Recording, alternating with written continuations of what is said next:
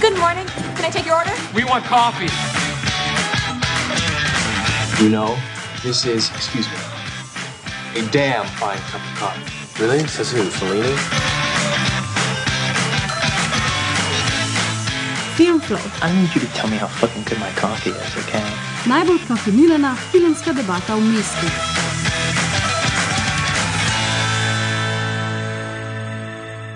Pozdravljeni, ljubitelji in ljubitelice vsega filmskega. Do 24. aprila je še 73 dni. Vse kaže, da je pred nami razborljiva pomlad. A film Flow se letos, bolj kot v prihodnost, ozira v sicer še ne tako davno preteklost. V čas, ko so bile še dovoljene sanje. A ja, mogoče še intermezzo se upravičujeva za malo več kašljanja Ja. ja. danes. Obe dve sva, tako kot verjetno po Sloveniji, pred kratkim preboleli COVID. Ja. Um, z Majem bomo danes zavrteli časovni stroj in se odpravili v leto 1991. V leto, ko smo dobili samostojno državo, internet in album Nevermind.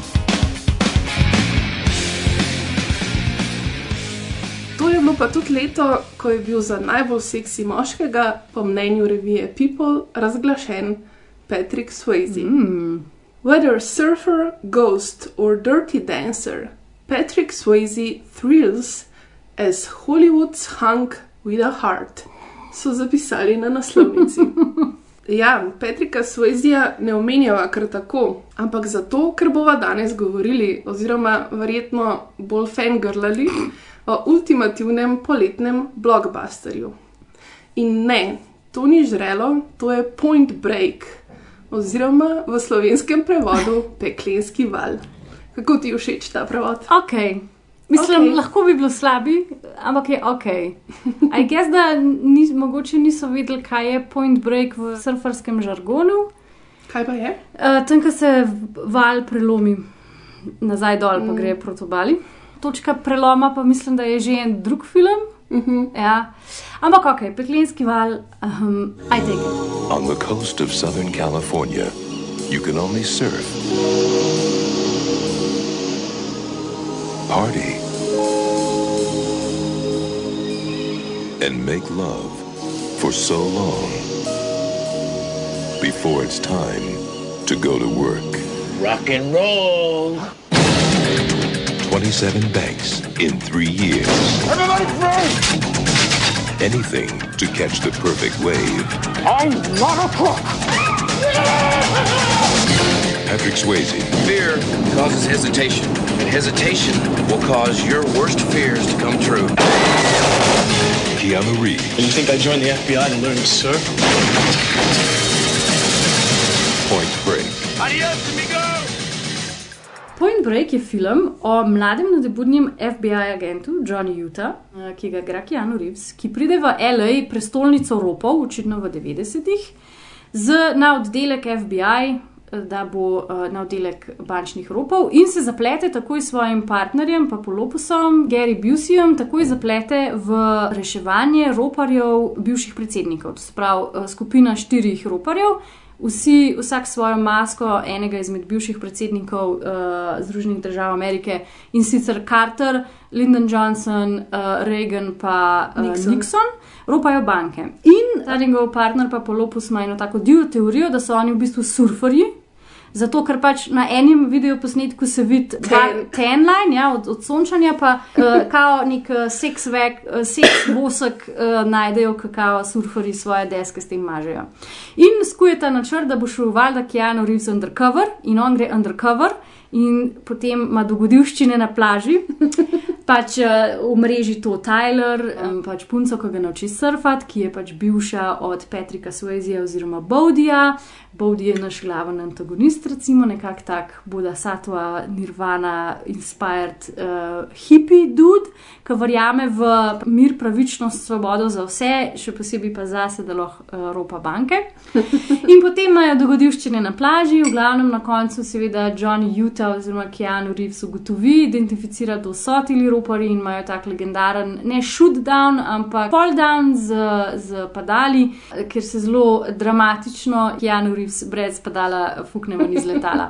Ja, in to je to. Zdaj, ko sem res premišljala o tem filmu, sem nekako prišla do enega zaključka, da gre res verjetno za enega od mojih najljubših feel-good filmov. Uh -huh. Meni je to res film, ki na nek način posebla najboljše, kar je filmski entertainment. Ja. Ja, če mogoče še malo bolj specificirava, kaj je res feel-good v tem filmu. Meni je to totalno za lase privlečena zgodba, ki pa nekako totalno deluje. Je za lase privlečena. It makes Ja. perfect sense. Ampak, a veš, ko vmes, vmes je ena ta scena, ko one dva hodita po plaži Aha. Aha. in kradeta ljudem lase. Aha, ja. Ampak, če pač je, eh, so vzorci vode v laseh in imajo laboratorij in je treba to analizirati. It makes perfect sense. Jaz bom zagovornica, da je to resen film, ga je treba resno imati. To, je pač, to so li, legitimne FBI metode. Nihče me ne bo drugače prepričal. Good. Film ima tudi totalno hudo adrenalinsko akcijo, po drugi strani pa je popoln zen. Imamo overload testosterona in ravno prav romantike. Imamo peščene plaže, turkizne valove, na drugi strani pa zadošljive po Švicu zaudarjajoče pisarne Zvezdnega preiskovalnega urada. Imamo zagorela, izklesana in razgaljena telesa, ki pa niso objektivizirana. Imamo res izjemno kamero, izjemno režijo, popolno zasedbo in dodelane like. Osov najboljšo slabo igro. Again, you with your slaba igra. Kdo z izjemo enih štirih prizorov, ki se Kjanu tu ni mal dal, je vse perfect. It's, perfect. Ni Sej, slabe stvari. Najboljša slaba igra. Mislim, tudi če je slaba, ja, Ja, se mi zdi, ni- da deluje, ker je njegov lik ja. Ja. na, na ta način uh, zares skonstruiran. Res je, ja. Kar mi je še tudi res všeč pri tem filmu, so krasne enovrstičnice in seveda humor. Po mojem, eden mojih najljubših momentov je pač takoj, ko se zgodi prvi rob banke. Aha, Um, seveda oni nosijo maske od predsednikov. In v bistvu na koncu ne, se um, te ropari zahvalijo, tako hvala, gospe in gospodje, ker ste sodelovali, pa ne pozabiti volta. Ne? ja, ja, don't forget to vote. Mislim, da prav Richard Nixon to reče. Meni je pa, jaz sem pa umrla, mislim, nekaj časa nazaj sem gledala ta film, očitno to, da nisem bila tako pozorna na to, na dialog, pa kaj govorijo, ker sem ti prav poslala screenshot. Ker pač ta šef od Keanu Reevesa ne mu reče, no, no, no, you're just neki, neki, neki young, dumb and full of cum. Yes. Cesko najbolj ever. A še en moment, ko so zdaj filmi tako klin, tako spolirani, da noben ne preklinja, ne švica, ne kadi noč, in potem v, v ta prvih desetih minutah en karakter to reče sladko, ja, itak. Hey, you're a real blue flame special, aren't you, son? Young, dumb, and full of cum. I know. What I don't know is how how you got yourself assigned out here to Los Angeles with us. I mean, hell, I guess we just must have ourselves an asshole shortage, huh? Not so far. Young, dumb and full of cum je my favorite line of this movie. Bi to bom zdaj probala ukorporirati v vsakdanji govor, čeprav ne vem, kako bi to šlo. Good luck. Ja.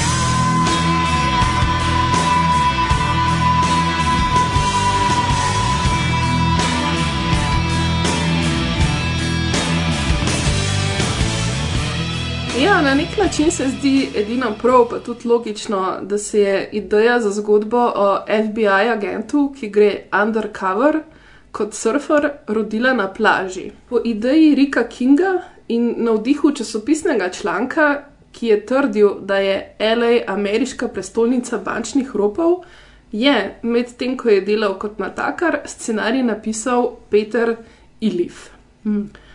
Nekako je pol tretja verzija scenarija, ki je imela takrat še naslov Johnny Utah. Um, sredi 80-ih odkupil studio Columbia Pictures, režiral pa naj bi ga kdo drug kot Ridley Scott.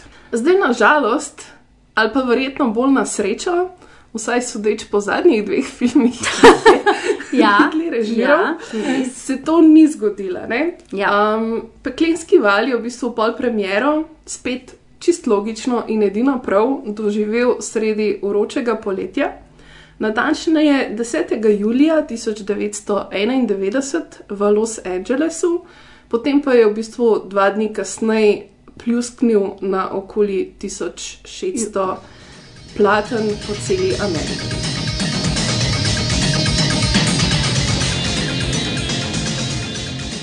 Nekako, ko smo govorili o tem, kakšni so bili filmi v 90-ih letih, smo v prvi epizodi omenili, da so filmi v 90-ih postali bolj kinematični, dinamični in eksplozivni, in da je bil v bistvu najbolj priljubljen žanr te dekade akcijski thriller. In v bistvu prav Peklenski val je en tak ultimativen film a, tega žanra. Dejansko velja za enega od vizualno in tehnično najbolj impresivnih akcijskih filmov, ki so nastali uh -huh. v 90-ih. Valjda s to trditvijo se strinja tudi režiser Edgar Wright, a, ki se nanj izdatno referira v filmu Hot Fuzz. Uh -huh. Kaj pa ti, Maja, Ja. ja. se ti to strinjaš? Itak, using the arenas of surfing, spirituality, bank robbing, Everybody freeze! greed, hate, murder. Extraordinary chase scenes. Really good acting. I didn't know better. I'd say you looked almost happy. There's beauty and there's murder and there's money and there's sex and there's just everything. Ta film res tako zdrži, še zdaj, ko ga zdaj gledaš. Je pač relativno brezčasen v določenih vidikih in tako amazing posnet. Prav nevrjetno z vidika tega, da je bil pač delan v začetku 90-ih na film in da je full velik filma se dogaja v vodi uh, in v letalu oziroma sred zraka. Akcija je dobra in ima smisel, uh, plot je dober, mislim, tako prav film nese vodo še zdaj, kar je res amazing, glede na to, da je bil pol v 90-ih razmah boljših in slabših akcijs akcijskih filmov, ampak le prav vse tako perfekt, zato ker ima vse zelo dodelan smisel, ker je nekdo, ki je ta film naredil, zelo dobro vedel, kaj dela. In je pač ta oseba sestavljala te prave elemente skupaj. In je res like the perfect action movie. Pač, Mm. ko prav nič mu ne moreš oporekati. Tudi najboljšo slabo igro ne. Ali pa okrogle noge od Kijanu Ripsa. Ja, meni je tudi to v bistvu eden redkih filmov, ki traja dve ure, Ja. ki mi zares mine tako, kot bi mi gledali. Ja, itak ima zdaj tak kulten status za tiste, ki smo ga večkrat gledali, da pol itak že veš, kaj pride, pa se veseliš česa tistega, ki pride, mm -hmm. pa veš dialog, pa veš, kdo bo kaj rekel, pa itak so young, dumb and full of cum, epic dialogi, a ne, in je res tako amazing, je. prav tako ful je dober. Jaz včeraj, ko sem gledala ta film, sem se v bistvu prvič zavedla tega, da je lik Johnnyja Utaha v tem filmu star 25. Ja. In sad tako nisem mogla verjeti, ker pač tudi, ker danes gledam ta film, Ne. imam tako občutek, da je on starejši od mene. Aha. Oziroma, tako ga pač doživljam. Ja, mislim, ok, zdaj najbrž zato, ker je Keanu starejši od nas, tako in real life, ne, kar pomeni, da, ga, da ti veš, da je igral starejši od tebe. Ampak I don't, bu- mislim, I don't buy it, da je pač mulj pri 25 naredil pravo. Ja, evo, vse to, ne, diplomiral pravo. to zdaj ni bil COVID, to se je Ana gladko zadušila v kozarcu vode. To se pravi, ja, pač ne verjamem, da je mulj pri 25 doštudiral pravo, kar traja vsaj 4 leta, tudi v Ameriki, naredil usposabljanje na FBI-ju, kaj- kar bo da tudi traja ene dve leti, in potem zdaj kar nek že kao hot shot, neki neki, pa tako, tako fulje.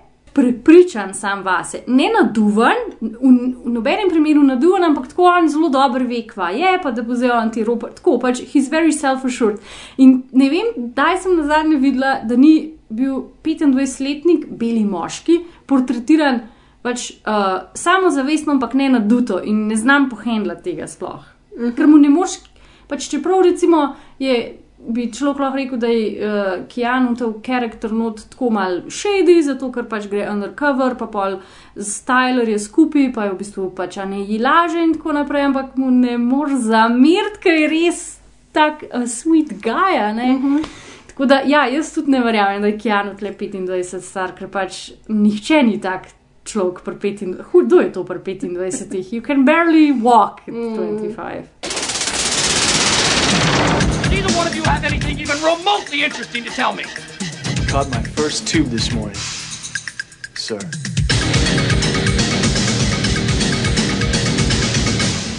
Think taxpayers would like it, Utah, if they knew that they were paying a federal agent to surf and pick up girls? Babes. Big one.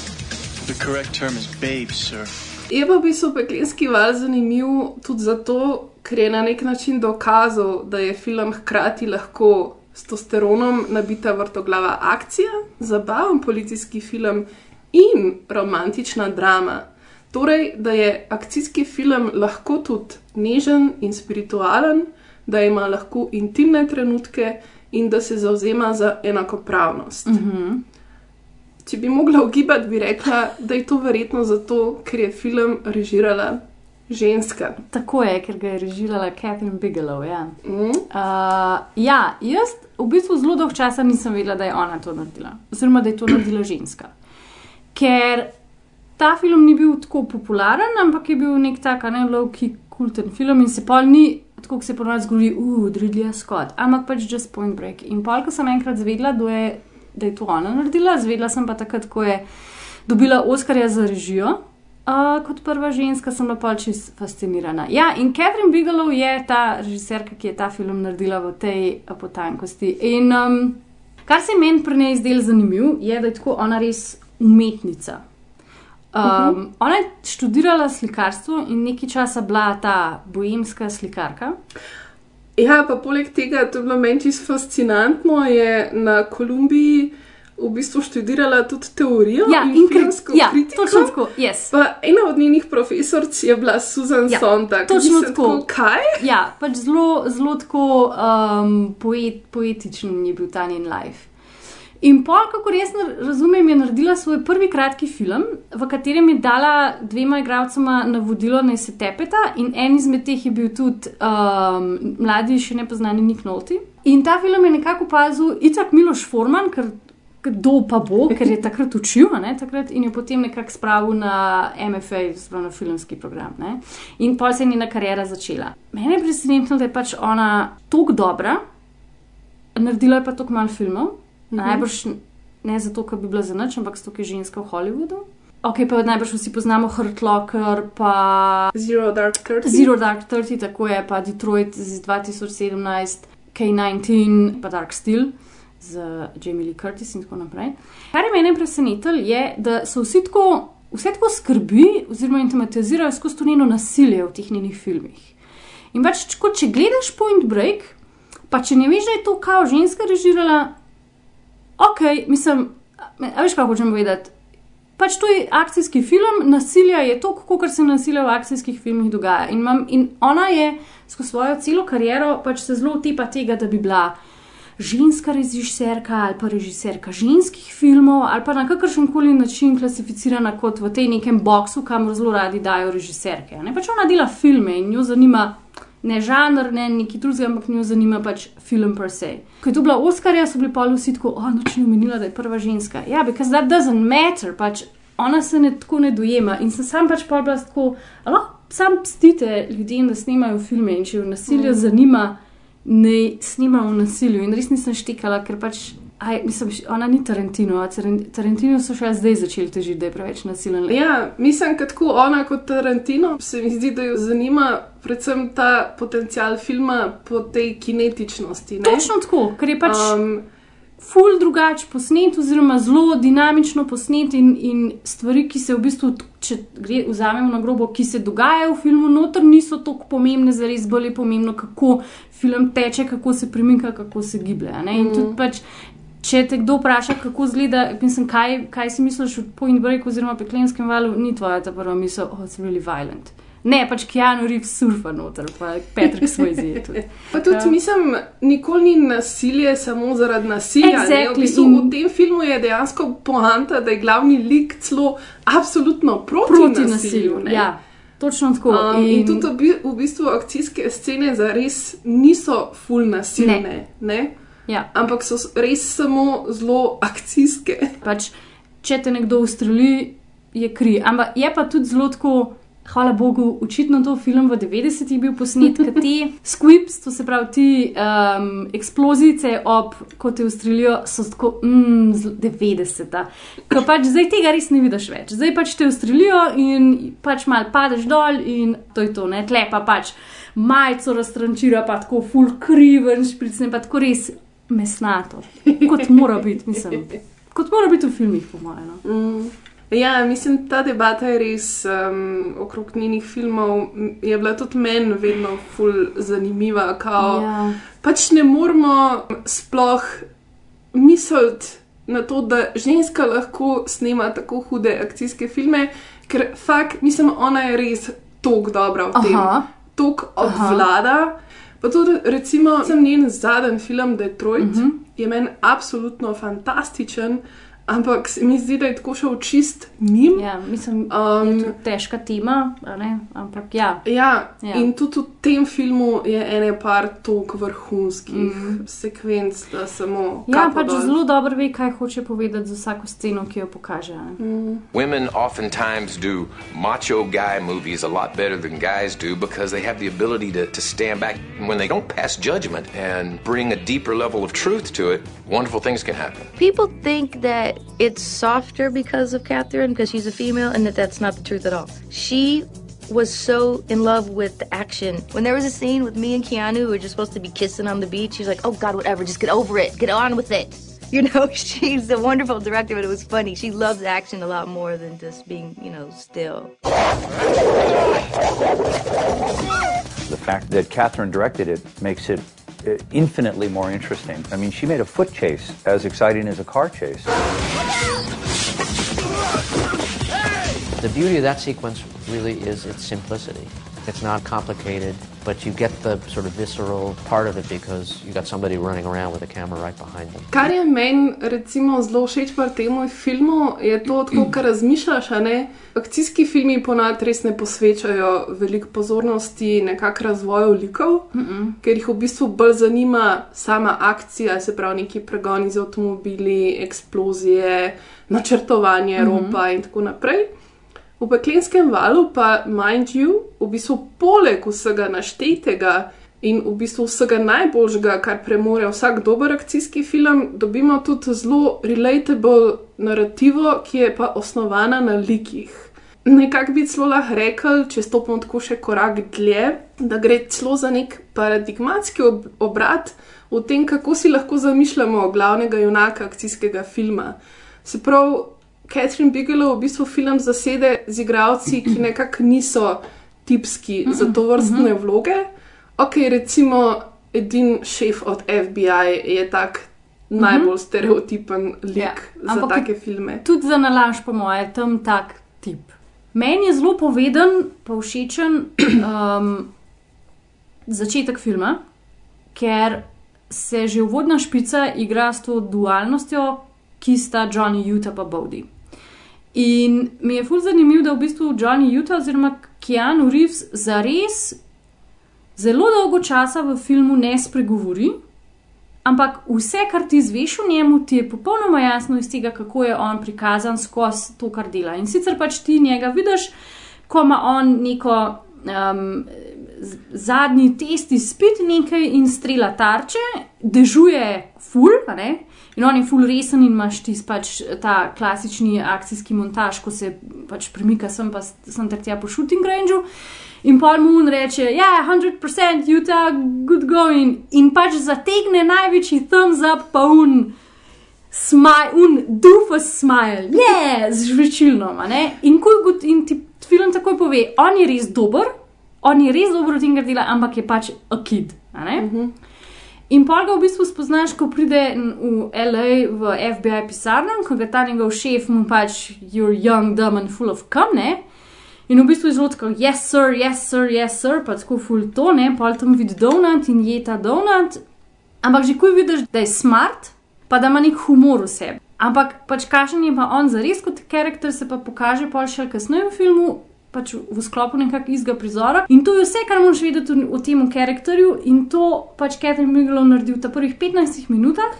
Usporedno s tem imaš pa pač prizore Bowdija, ko surfa. In samo Bowdija, ko surfa.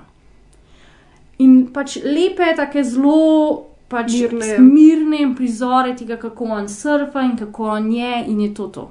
In Mhm. veš v bistvu tudi vse o Bowdiju. Okay, usporedno ti ona servisira, da ti veš, da je Bowdi ropar, mislim, moraš biti zelo, moraš imeti dolgo lajtemo, da ne veš tega. Ampak ti tudi pol, a ne, imaš zelo tako, okay, kako je lahko ta tip ropar, če pač je tako umirjen, nek buda moment. Mm. In to je po mojem ta prvih 10-15 minut filma in ona to Mislim, se da tako zastav- deset. Ja, ker 10, je ne več, ne. Ful ekonomična in ful povedana Ja, stvari. in v bistvu nič več ti ni treba delati na karakterju. In kakšen recimo Johnny Utah ni, kaj pa kakršen koli drug akcijski junak, ni naduvan. Ni nasilen, je smart, je prijazen, he's a person, not He's a, an- man. An innocent. Ja, an innocent, tako je. Ni, Mm, ni, tak nedolžen. nedolžen ja, ne, zato ker je še začetnik, ne, Mm. ampak Ker v bistvu je na nek način tudi ta film, v bistvu ta prehod iz tako from Ja. boyhood to manhood Ja, na nek zato ker način. pač ne. Johnny Utah na začetku filma, pa Johnny Utah na koncu filma sta dva različna Mm. Johnny Utah. Začne se film v doživ in konča se film v doživ. Medtem je pa fucking cel cajt tako LA Sunshine. Mhm. In je tako, prav, tako, uno, da jim biti full teoretski. Johnny se potegne ven iz enega zabačenega ne vem kaj in gre nazaj v eno zabačeno ne vem kaj in vmes ima, vem, en let sonca. Tako, ne, fule, ah, this movie is so smart. Ja, pa v bistvu tukaj, no, če že omenjava um, Keanuja, ne. Mhm. Um, mislim, da se je Catherine Bigelow res ful borila za njega, da bi on igral Mhm. to vlogo, ker ga niso hoteli, ne, ker je bil tudi še relativno neznan. Ja. V bistvu ga je ta film zares Naredil. naredil Mhm. za, za zvesto, ne, tako kot smo se v prvem podkastu pogovarjali o Julie Roberts.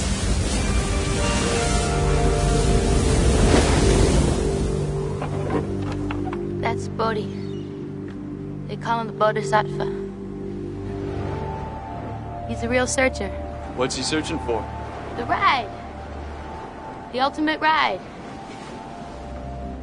Tudi na nek način Bodhi je zelo netipičen uh, lik za glavnega, v bistvu antagonista. Ne? Um, in tukaj je fur zanimivo, kako se one dva v bistvu tudi nekako prepletata. Ne? Imamo tudi ta mal bromance. Moment v filmu je pa mogoče meni, no, kar se likov tiče, vedno bila eden najljubših ženskih likov, mm. -hmm. sploh Tyler, mm -hmm. ki jo igra, igra um, super Lori Petty. Mm -hmm. In tukaj gre tudi spet popolnoma zasluga v celoti Catherine Bigelow, ker seveda v scenariju je bila ona napisana kot neka ta najbolj tipična Pamela Anderson kinda um, lik. In v bistvu Bigelow jo je nekako v scenariju spremenila Ja. v neko to športno, Ja. um, androgino, res kul cool osebo, ki v bistvu vse, kar počnejo ti tipi, lahko ona počne boljš. Ja. Res je full grounded, totalno pač zakon oseba. Jaz se res spomnim, da mi je bila ona tako vedno eden izmed Ja. ja. teh redkih likov v filmih, s katerimi sem se res lahko poistovetila, ja. sem se hotla poistovetiti, so mi bile lahko v nek navdih. Ja, mislim, že čist banalno dejstvo, da je imela črne kratke lase, amazing. Mm. Ker je bilo in pač, da je, ne vem, se nikoli ni počesala in je bila as is in je bilo to to. Mm. Pa da je bila v bistvu tako. One of the guys, ne v smislu, uh, da je neki buč, ampak pač tako equal to the guys. a ne? Mhm. Až kam je bilo najbolj to? Mislim, da se Bowdi pa Johnny Utah neki pogovarjata o njej, neki, neki, neki. In Bowdi reče, she was my woman. Ker danes v teh v takih filmih, she was my girl. Mhm. In sem jaz tako na ta stavek, she was my woman, tako, oh, yes, she was your woman. Mm. Ker je pač to veliko bolj enakovredno, kot pa she was my girl. Super je, ko v bistvu imaš spet ne, ta, ta moment, ko Bigelow njo kot lik predstav. Uh Mhm. -huh. Se pravi, ona je nekdo, ki na začetku reš uh -huh. Johnnyja. Mhm. Ker se- ja. ja. drugače bi se utopil Ja. in ga seveda takoj napizdi uh Mhm. -huh. in pač gre. Uh -huh. Zdi se mi, mislim, to, kar si govorila o enakopravnosti, da to se tudi res lepo odslikava v samem vizualnem jeziku. Uh -huh. Zaradi tega, ker če samo pomislimo recimo na eno sceno, ko recimo um, Johnny pride do nje v lokal, kjer ona dela, da bi jo prosil, uh Mhm. -huh. če bi ga učila surfati. Sta oni dva vedno enakopravno Ja. ne, prikazana, Pa čist- pa že tako vizualno. Ja, točno tako pač- Zgledata skoraj kot dvojčka. Ka, ja, pa kadrirana sta tudi tako uh, višinsko gledano, ena nasprot drugemu, ne Ja. da je on višji, čeprav pač najbrž je on višji. Ja. To je ful pomemben. Ja, Pa ja, tudi, ko se ona spusti, ne, Se na, on spusti. Na, se on spusti. Ja. Tako da mislim, res je to tako ful premišljeno Yes. in ful dobro Yes. uh, narejen. Ja. Dejansko včeraj sem pol premišljala, ker je en stavek, ki ga Bodi, mislim, da na koncu reče in sicer kao we both lose. Uh -huh. In ja. ta film res nima nobenega zmagovalca, nobenega junaka, tako nobody wins. Uh -huh. Kar je tudi precej netipično v bistvu za um, to Za akcijski film. Ja. Ja. ker v bistvu si navaden, da karakter kot Johnny Utah bi mogel zmagati. Se ti je že zelo hitro jasen, da ko pač rata ta frenda, ne, sta si tako privlačna in drugmu, da ga pač Johnny ne bo, ne bo, Mm. ne bomo in bo tragično končal. In v bistvu konča tragično. Ne?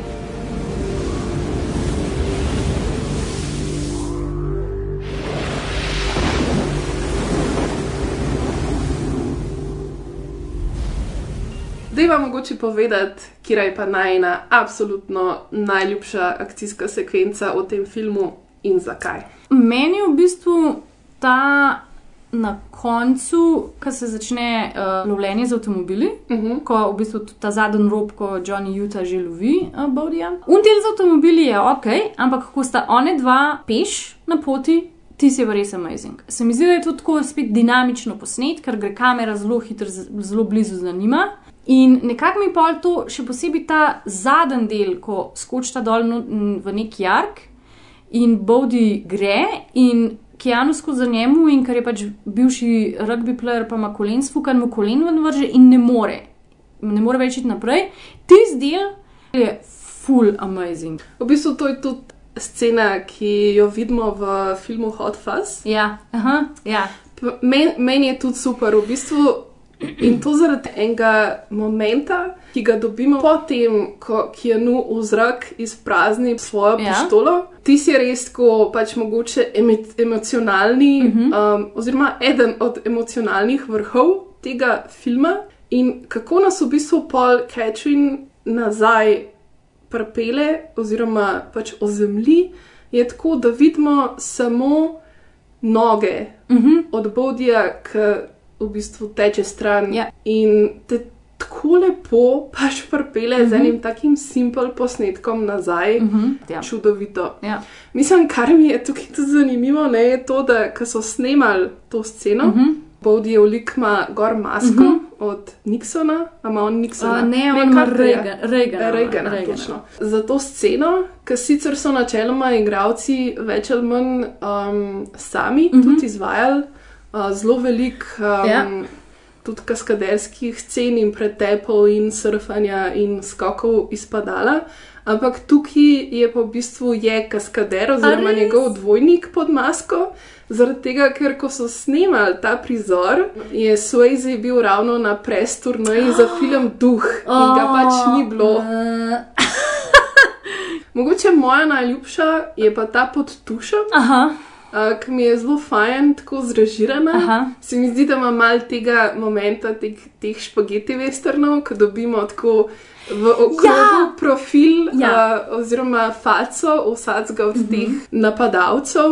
Pa v bistvu tudi se, mi zdi, da je full dobro ful dober narejen ta celoten pretep. Ja. In z uporabo tega surfa. Ja. Pa, pač honorable mention mora biti, da v tem prizoru sodeluje tudi Anthony Kiddis od Red Hot Chili Peppersov kot bad guy, kar res on ni, a ne, ampak je pa pač Anthony Kiddis in quintessential surfer guy, tako da. ah, Mm.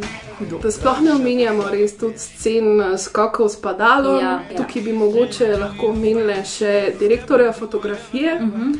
ki je bil za ta film Donald Peterman in v bistvu so tudi izumali en kup Ja. stvari, uh, da so lahko te stvari na ta način posneli. Ja.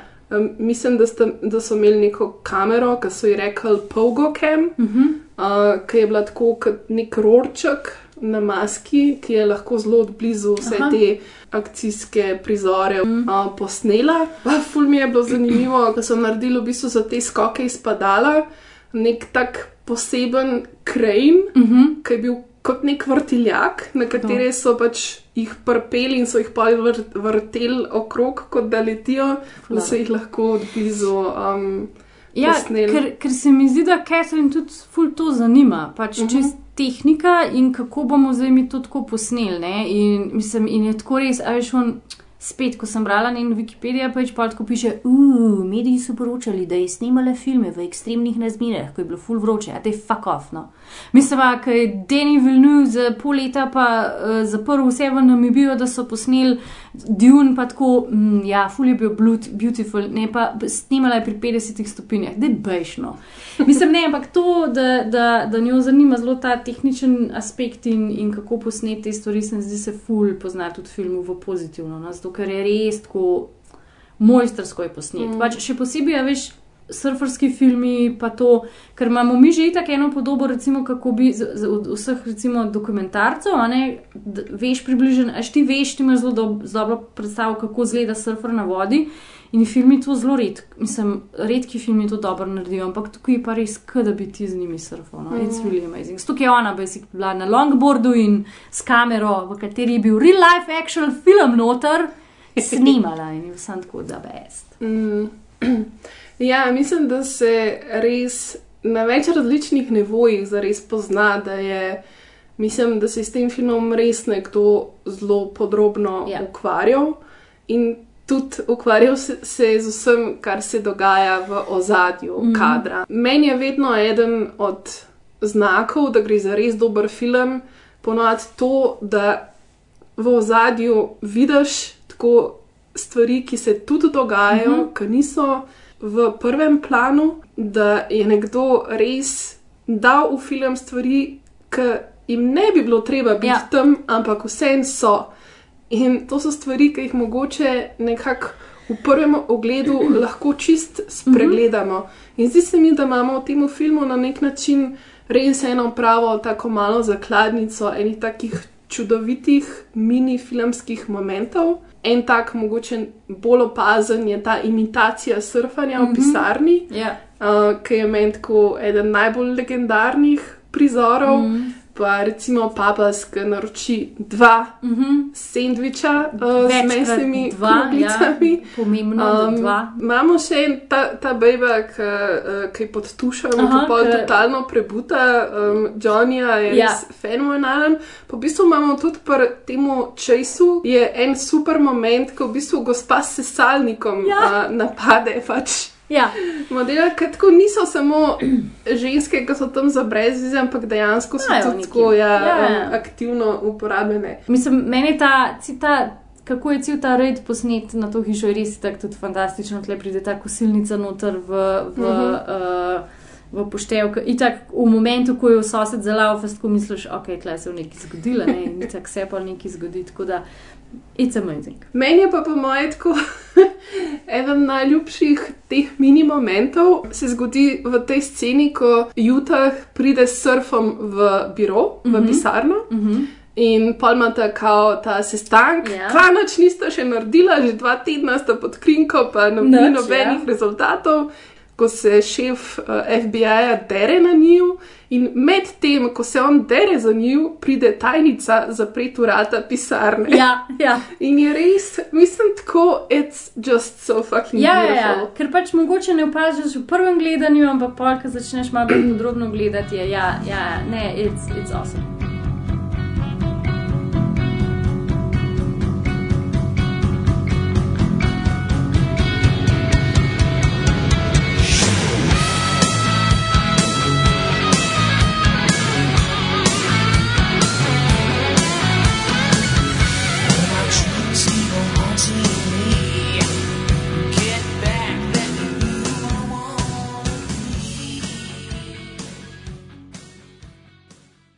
Seveda, vsak, vsak film, ki nastane v določenem obdobju, v sebi nosi duh tega časa, uh -huh.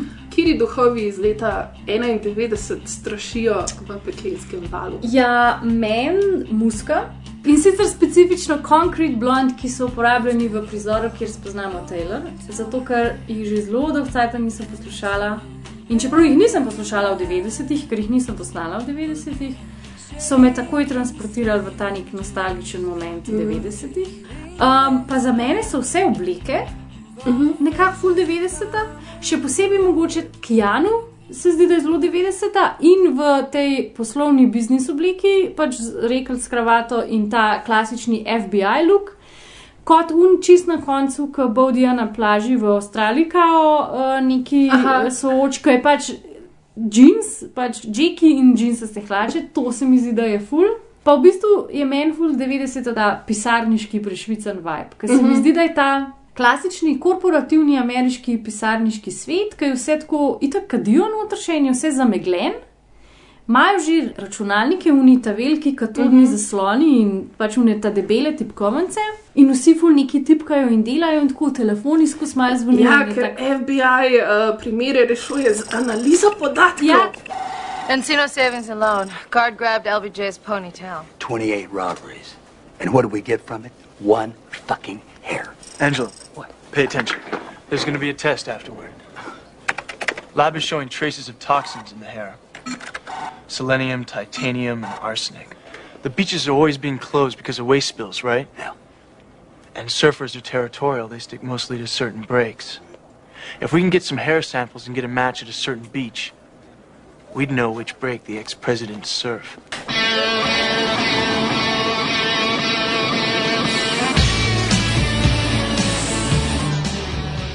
Ja, leto 91 je bilo v bistvu po naslovih sodeč kar izjemno plodno filmsko leto. Aha. Tako da, ja, dajmo poslušati, kateri filmi iz tega leta so nas, poleg seveda peklenskega vala, še navdušili. A killer is on the loose. Keeps them alive for three days. Then he shoots them, skins them, and dumps them. A rookie FBI agent is on his trail. He's got real physical strength, cautious, precise, and he's never impulsive. He'll never stop. Ja, kontroverzna odločitev, mogoče za mene, uh, ampak jaz sem si izbrala Ko jagenški obmokni, oziroma Silence of the Lambs. It's so fucking good. Mm. Jodie Foster je amazing, Anthony Hopkins je amazing, cel pač koncept Hannibala Lektorja je itak sproduciral vse iz svašta filmov, na zadnje in serij, na zadnje uh, celo serije o mladi Clarice z naslovom Clarice Mhm. kakšno ima ona kariero po tem Kajsu. In pač Anthony Hopkins je dobil Oscarja za to vlogo, kot eno izmed redkih uh, Oscarjev, ki je podeljena za res žanrskem filmu, v smislu tega, da pač ni glih, ne vem, drama ali pa musical ali pa ne vem. Ja, pa mislim, da je to Oscar za glavno vlogo, ki je najkrajša. v- Tudi, a ne, ker pač pa vse, kar naredi, je, da globoko diha, pa sumljiv zgleda, a ne. Thank you, Clary. Jaz se tega filma spomnim zaradi tega, ker sem ga gledala na enem rojstnem dnevu. Ja. In ker je seveda za rojstni dan, so si takrat ponovadi vedno sposodili kakšne videokasete, mm -hmm. ki Mhm. bi jih pol eventualno gledali. Je imela seveda tudi kaseto filma, ko jagenčki obmoknejo. Ne vem sicer zakaj. In najbrž sta ta stare dva to hotela gledati, gesa kva. In se spomnim, ja, da sem jaz v bistvu medtem, ko so bili vsi zunaj in so se igrali in družili, v bistvu sedela noter in gledala ta film. Ob tem sem pa jedla tople sendviče. I mean, that explains a lot. Kislo smetano, šampinjoni in sirom, ki si jih še zdaj kdaj naredim, kadar gledam filme. That explains a lot. To je res noro, mislim, to je tako prav, pač totalno vivid spomin iz tega ja, časa. ja. A te je bilo strah? Itak ne. Malo me je bilo, ja. Malo me je You're bilo. not emotionally Ampak- dead inside, to je dobro videti. Ampak tista, veš, ki je tako malo exciting, Razumem. strah za res. Ja, ja. ja. Kaj pa tvoj film? Ja, jaz sem si pa izbrala Thelmo in Louise. Thelma and Louise are going fishing. How come Daryl let you go? Because I didn't ask him. He's gonna kill you! I left him a note. Ko sem začela malo bolj resno gledati filme, je bil to definitivno eden izmed tistih filmov, ki mi je bil um, zelo blizu Mhm. -hmm. in zelo všeč. Mm -hmm. Kar je zanimivo, fun fact je, da um, bi eno izmed um, glavnih likov v Thelmi in Louise mo mogla igrati uh, Jodie Foster. Foster. Uh, drugi fun fact je to, da je film režiral Ridley Scott, ki bi moral režirati um, Peklenski val. Tretji fun O, ne. Je to, da je bil film Thelma in Louise v celoti posnet v Kaliforniji in v Utahu. Oh, wow! Kar se mi je zdelo res tako um, fascinantno. Ja, best. Torej, če še nikoli niste gledali uh, filma Thelma in Louise, gre za res zelo kinetičen, zelo energetičen body film ceste o dveh kolegicah, ki se odločita, da bosta za hip prekinili svoje dolgočasno življenje, žene, Aha. se odpravili na izlet.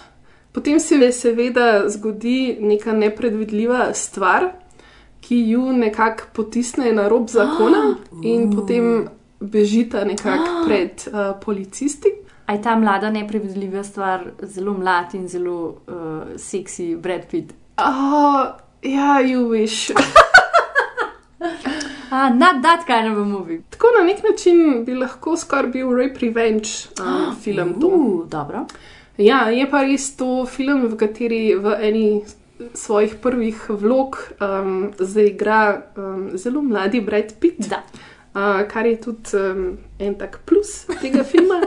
Uh, sicer pa v filmu igrata Gina Davis uh -huh. in pa Susan Sarandon, uh -huh. ki sta res odličen igralski duo. Uh, mislim, da sta bile obe dve tudi nominirane za Oscarja Mm. za ti dve vlogi. Uh -huh. Je pa film napisala uh, Kelly ja. Curry. Aha. V bistvu mislim, da je bil to njen prvi scenarij, uh -huh. za katerega je tudi dobila um, potem Oscarja. Nice. In ja, pač ta film, čeprav uh, je imel, ko je prišel ven, uh, kar en tak velik backlash, kao da zelo negativno portretira um, moške like, uh, je, da danes seveda velja za nekak, neko tako feministično, kultno klasiko. Ja, ja. In tudi kljub temu, no, da se konča tako, kot se. Uh, z enim izmed najboljših filmskih koncev, Ever. ever. Mm -hmm. Meni vedno bil feel good film. Mm -hmm. Zaradi tega, ker ima res dva zelo opolnomočena mm -hmm. ženska lika, ne glede na to, kaj se jim dogaja, pa iz kje prihajata, mm -hmm. se mi zdi, da je vedno bil ta powerful Popolnoma, ja. film. With the warm wind in her hair.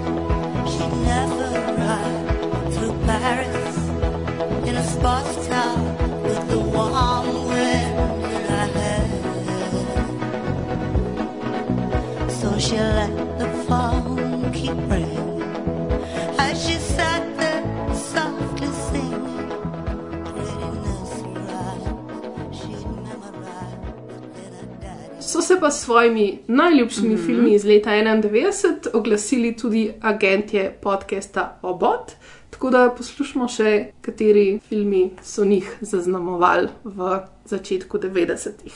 Dajmo.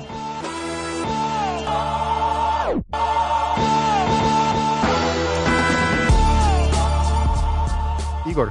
Uh, ja, uh, moram najprej povedati, da ta film sem videl par let kasneje, ampak uh, je definitivno film, ki je naredil zelo močan vtis na me in sicer gre za film Barton Fink, uh, bratov Cohen. V glavni vlogi je John Turturro in uh, eno svojih najbolj takih memorable vlog pa odigra John Goodman. Malo spojlam stvari, ampak on je fucking hudič in je insane kako dober film je to. Film tudi pove, eh, na, na nek način predstavi zgodovino Hollywooda, kar se je dogajalo v 20-30-ih, uh, skozi zgodbo tega dramatika, ki proba biti scenarist, uh, po imenu Barton Fink, ki ga hollywoodski pač sistem požre in mora delati vedno nekaj drugega, in uh, na koncu pristane na plaži z škatlo za torto, v kateri je odsekana glava. Uh, ful priporočam, res. Sem se še uh, ful zagrel za en film Soap Dish po, po naslovu Žajfnice, mislim, da je po naše, ki je taka lahkotna komedija zmešnjav, super, uh, prepletena, Kevin Klein je igran od Elizabeth Shue, Mhm. um, še en kup drugih ljudi in Whoopi Goldberg. In uh, žal pa je ta film full vpliv. Uh, in sicer zaradi tega, ker uh, v zadnji sceni se izkaže, da je eden od likov uh, transvestit, oziroma bivši moški, rečemo, ki je tranzicional v žensko, in vsi ostali liki, ki to ugotovijo, so potem bruhajo in jim je grozljivo, da se je kaj takega zgodilo. To je leta 91. Aha, treni jokes. Okay. Ja, in uh, potem, tri leta kasneje, leta 94, sta pa prišla še dva filma ven, ki sta imela tale isti razplet, mm. -hmm. uh, torej Naked Gun 2 in pol, pa uh, Ace Ventura.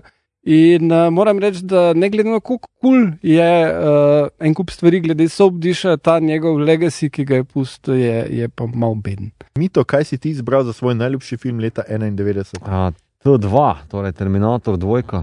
Um, Sodni dan. Ja, je sodni dan. Ja, je sodni Ja. dan. Ful je bilo že črnila okrog tega filma. Prelitega, ampak meni osebno, zakaj je dober, zato ker imam zelo močen spomin na njega, ker sem ga šel v kino gledati, ki ga ne bi smel v kino gledati. Malo, malo too much. Takrat je bil Dornavi kino, to so še bili tisti cajti, ko sem manjša mesta še imela, kina Kidričevo je imelo svojega, pa Dornava tudi. No in skratka, jaz, brat, ki je leto mlajši od mene, in bratranec, ki je tudi leto mlajši od mene, smo šli to gledati. Ne.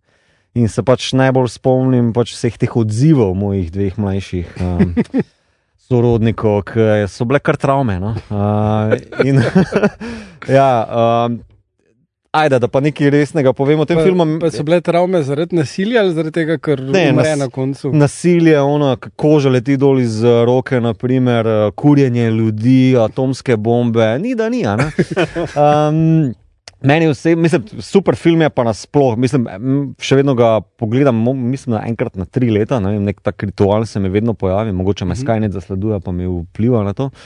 To je, um, kako rečem, blueprint za akcijado, ki je lep cajt držal, pa ki se je zdaj, mislim, da malo pozabil. Pa uh, nekaj, kar mislim, da bi se splačalo tu pa tam pogledati za nazaj, marsikomu, Mm. kako se lotiti nečesa tako groznega, tako dobrega, pa tako hud sci-fi, kot je bil vzpostavljen, pa da hkrati je res nek hud blockbuster. Ja, Ja, ja. Ima res te več elementov noter, ki je taka žanrska bonanza. No. Pa Guns N' Roses komat. Tudi, seveda, Ja. of course, of course. Uh, čeprav, kar pa mene najbolj, uh, naj, kar bi si morali pogledati, se mi zdi, da vsakih par let pride ven film, ki je posnet v Los Angelesu, ki se bo na tistih istih praznih kanalih od točnih lovili z avti in tovornjaki. In vedno, ko vidiš to, pomisliš, ja, Terminator je to naredil mm. -hmm. boljše. Pa to, pa Nehajte to. truditi se tam to. furati. Ja. Ne, tudi um, v smislu, veš, če greš že na obrt, je Terminator 2 toliko potisnil, pa zopet ne omenjam CGI-ja, ker to, zgodbo vsi vemo, ampak ne vem, že sam, ko Schwarzenegger pa Patrick ne, se prvič soočita, torej T-100 pa T-1000, kako je v bistvu ta celotna geografija speljana, ker tempo je hud, Mhm. akcija je huda, pol pa so to lovenje, ki ima neko smer, non-stop se zasleduje, levo, levo, levo, pol pa stop, ko skočijo v avto, se smer obrne in je desno, desno, desno. In je v bistvu ta logika Cameronova, zato ga imam jaz rad kot tega akcijskega režiserja, ne niti Titanik, ampak akcijska varianta, pač, da je tako premišljeno vse narejeno. To je ena velika odlika in to jaz mislim, da se malo pozablja. Ne? Super, super, ob, obe izbiri čudoviti. Zdaj bom jaz mal presekal z enim takim filmom, ki ga mogoče kdo ni pričakoval med top filmi 91. leta, ampak je film, ki sem ga kot mulj gledal, mislim, da milijonkrat in skoraj da ne pretiravam, uh, skoraj da res. In sicer gre za The Last Boy Scout uh, Tonija Scotta uh, z Bruceom Willisom in Damonom Vajansom. Je eden uh, izmed teh, bomo rekli, vrh ali pa. Tle se je nekako uh, približal v vrhu tale um, žanr, body cop, žanr, se pravi, dveh kolegov, uh, policistov oziroma raziskovalcev, se eden od njih ni policist, ampak je igralec ameriškega nogometa. Mhm. In uh, pravzaprav takrat so tudi nekako v 80-ih zelo uh, začeli. Uh, prihajati filmi med, seveda, rasnega prijateljstva, se pravi, eden je črnec, eden je belec, po pravilu je seveda belec ta glavni lik uh, in je črnec mm. samo tisti, uh, z glasnim, ki full glasno govori zraven uh, ta drug. Ne? Ampak ja, to je bil eden izmed vrhov uh, tega filma potem recimo niti ni. Tudi teh body cup filmov ni več toliko, razen če skočimo, ne vem, eni skoraj deset let naprej, imamo Rush Hour, recimo nekaj, mm Mhm. -hmm. imamo Jackie Chana, pa mm Mhm. -hmm. kaj je že un. Ta, Chris Tucker. Chris Tucker, motherfucker, tako je. Uh, in tako. Pa Die Hard 3. Pa Die Hard 3, ja, recimo, Ja, ja, ki se ja. še nekako uh, v tle notor umešal. Ampak to je bil. Uh, Po vseh smrtonosnih orožjih, se- dobro, mm -hmm. Mhm. se še bila še tudi pozneje, ne? ampak to, to je bil, ja, še zadnji del je bil gotovo pozneje. ne. Ja, ja, ker imaš je prav, ja. Tam v Ja, 90. pol je- pa kar zamrlo, ne? Pol je pa to kar zamrlo. In meni se zdi z tega vidika pač tako zanimiv, ker to je a, bil poprečen akcijski film. Noč na njem ni tako blazno super, razen scenarija, kjer pač imaš res teh dotipov, pač ob vsaki smrti, res ob Ja, vsaki one-liner, smrti ja. je en one-liner in Bruce Willis pač uh, pove nekaj smešnega, pa hkrati ta pač. Uh, eden zadnjih teh Bruce Willisovih filmov, kjer je uh, uspešnih filmov, kjer je imel še ta pač model nekega zapitega, mm Mhm, -hmm, bivšega mm mhm. -hmm. policaja ali pa policaja z ženo, ki jo sovraži. Na koncu je celo re, reče, če ne bi bilo vse te policije, bi ti pljunil v obraz. Skratka, malo te mizoginije. Ja. Ja. To je še zelo nedolžen, uh, nedolžen film. Je, bomo sploh rekli. se spomnim, ko dobi tipa, ki, ki spi z njegovo ženo in potem je tako rešena zadeva, hočeš v obraz ali v trebuh, da te vsipam in pol smo kul. Cool. Ja, ja. Tak, Tako je. In Skratka, to je za tiste še res prave moške film. No? In uh, mogoče z tega vidika pač je en eden uh, tako. Uh, premik se je potem zgodil v Hollywoodu, pa ne samo v tem, da je pač akcija šla veliko bolj brainy, bomo rekli, ne, kar jaz mislim, da je pomogel tudi uh, Mhm. Terminator, Terminator. Terminator ki Mhm. si ga omenil. Ne, je pač to, da odzahtevamo malo več od akcije. Ne, Mhm. kako, ker tudi noter je tudi tako zelo. Spomni se, da ta zgodba ima ogromno enih nekih luken, ogromno je neumna, no, skratka, kdo je ta šef, eh, ta kriminalcev in tako naprej. Vse je tako na prvo žogo in tako skoraj dobesedno, kar je v ameriškem nogometu. Ampak, skratka, noter so še pene stvari in kot rečeno, tudi mene a, na ta film bolj nostalgija vleče. Jaz sem to res pogledal Mhm. a, tisočkrat, smo to videli in smo gledali doma in vsakič totalno, totalno uživali. Ja, Mhm. VHS. tajti. Tako, tako.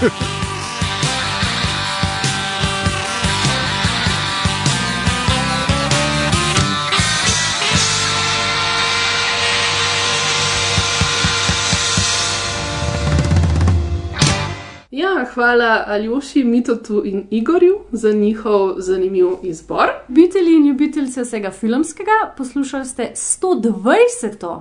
epizodo podcasta Film Flow o filmu Peklenski val. Z vami sva bili dve itak posebni največji fanici tega filma, Ana Šturom in moja malenkost Maja Peharc. Svoje najljubše filme iz leta 91 pa so z nami delili tudi agenti podcasta Obod. Hvala, fantje. 120. epizodo Film Flova smo posneli pri Ani doma v post-covidnem kašlju. Tako da uh, se upravičujemo montažerko in vsem poslušalkam in poslušalcem, ampak takle imamo. Če vam je všeč, kar mi dve delava, lajkajte, delite, podprite Film Flow, uh, povejte svojim frendom, šerajte uh, in tako naprej. Uh, najdete nas lahko na mreži Apparatus. Tam, a veste, ko greste na spletno stran, na vrh je pol taka črna vrstica, pa so podcasti, pa piše tudi Filmflow, tja morate klikati. In pa seveda tam, ker ste naročeni na podcaste v vaših najljubših aplikacijah. Postokate nas lahko tudi na socialnih oziroma družbenih omrežjih.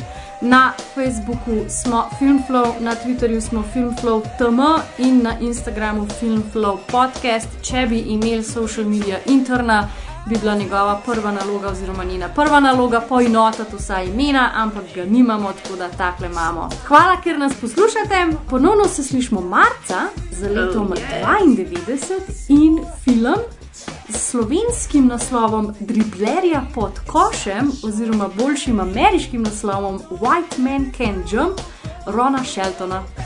To je komiča. Ja, bye! Ciao!